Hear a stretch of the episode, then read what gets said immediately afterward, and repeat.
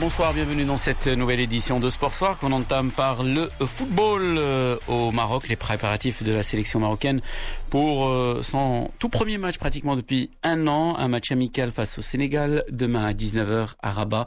Romain Seist, international marocain de Wolverhampton, évoque ses retrouvailles et ce match presque un an qu'on ne s'était pas vu, qu'on n'était pas revenu en sélection, donc ça fait plaisir de déjà de revenir au Maroc et puis ensuite de retrouver bah, tout le monde, le staff, les joueurs. Voilà, il y a pas mal de nouveaux aussi, donc euh, ça fait plaisir aussi de les rencontrer. Donc on a très très hâte de, de disputer ces deux matchs. Voilà, on est dans de très bonnes conditions ici pour euh, pour se préparer. L'ambiance est bonne comme euh, comme d'habitude. Donc tout est réuni pour pour faire une bonne préparation et pour, et pour préparer ces, ces matchs et surtout pour se préparer à les gagner parce que c'est le plus important.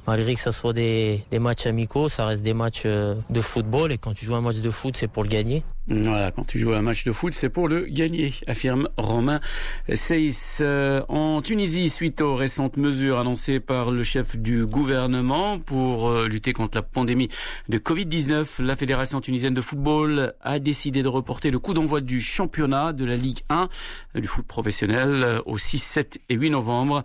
La saison 2020-2021 devait commencer en fait le 24 octobre.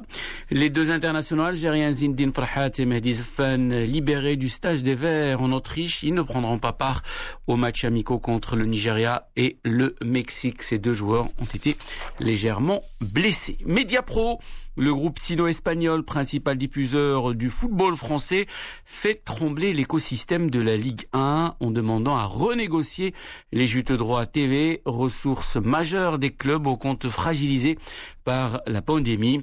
La Ligue elle, exige d'être payée. Plus de détails avec notre consultant pour le football français, Hervé Penaud.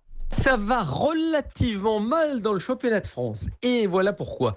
Parce qu'en fait, euh, le diffuseur de la Ligue 1, c'est-à-dire Mediapro, qui s'était engagé à donner pas mal de millions sur, sur les quatre prochaines années, devait payer une traite de 172 millions d'euros à la Ligue. Et patatras, ils ont décidé qu'ils ne voulaient pas la payer, qu'ils ne pouvaient pas la payer en raison du contexte sanitaire, en raison de, l'évolution de, de, la pandémie, et, euh, et puis n'ont pas donné l'argent à la Ligue. Alors, qu'est-ce qui va se passer? Ça, c'est un vrai, vrai souci. C'est-à-dire qu'aujourd'hui, il y a beaucoup de clubs qui ne vivent qu'à travers l'argent de, des télévisions, et ben se retrouvent complètement bloqués à partir du moment où l'échéance, effectivement, n'a pas été payée.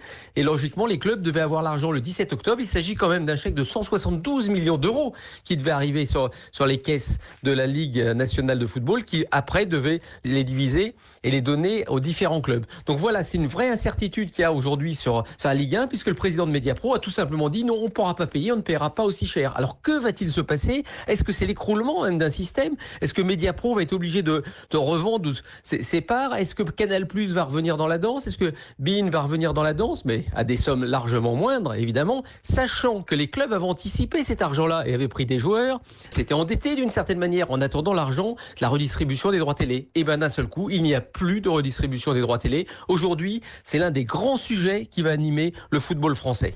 Aïe aïe aïe, un véritable casse-tête Zlatan Ibrahimovic, euh, l'attaquant de l'AC Milan, toujours positif au coronavirus, deux semaines après avoir euh, dû se mettre à l'isolement après un premier test positif.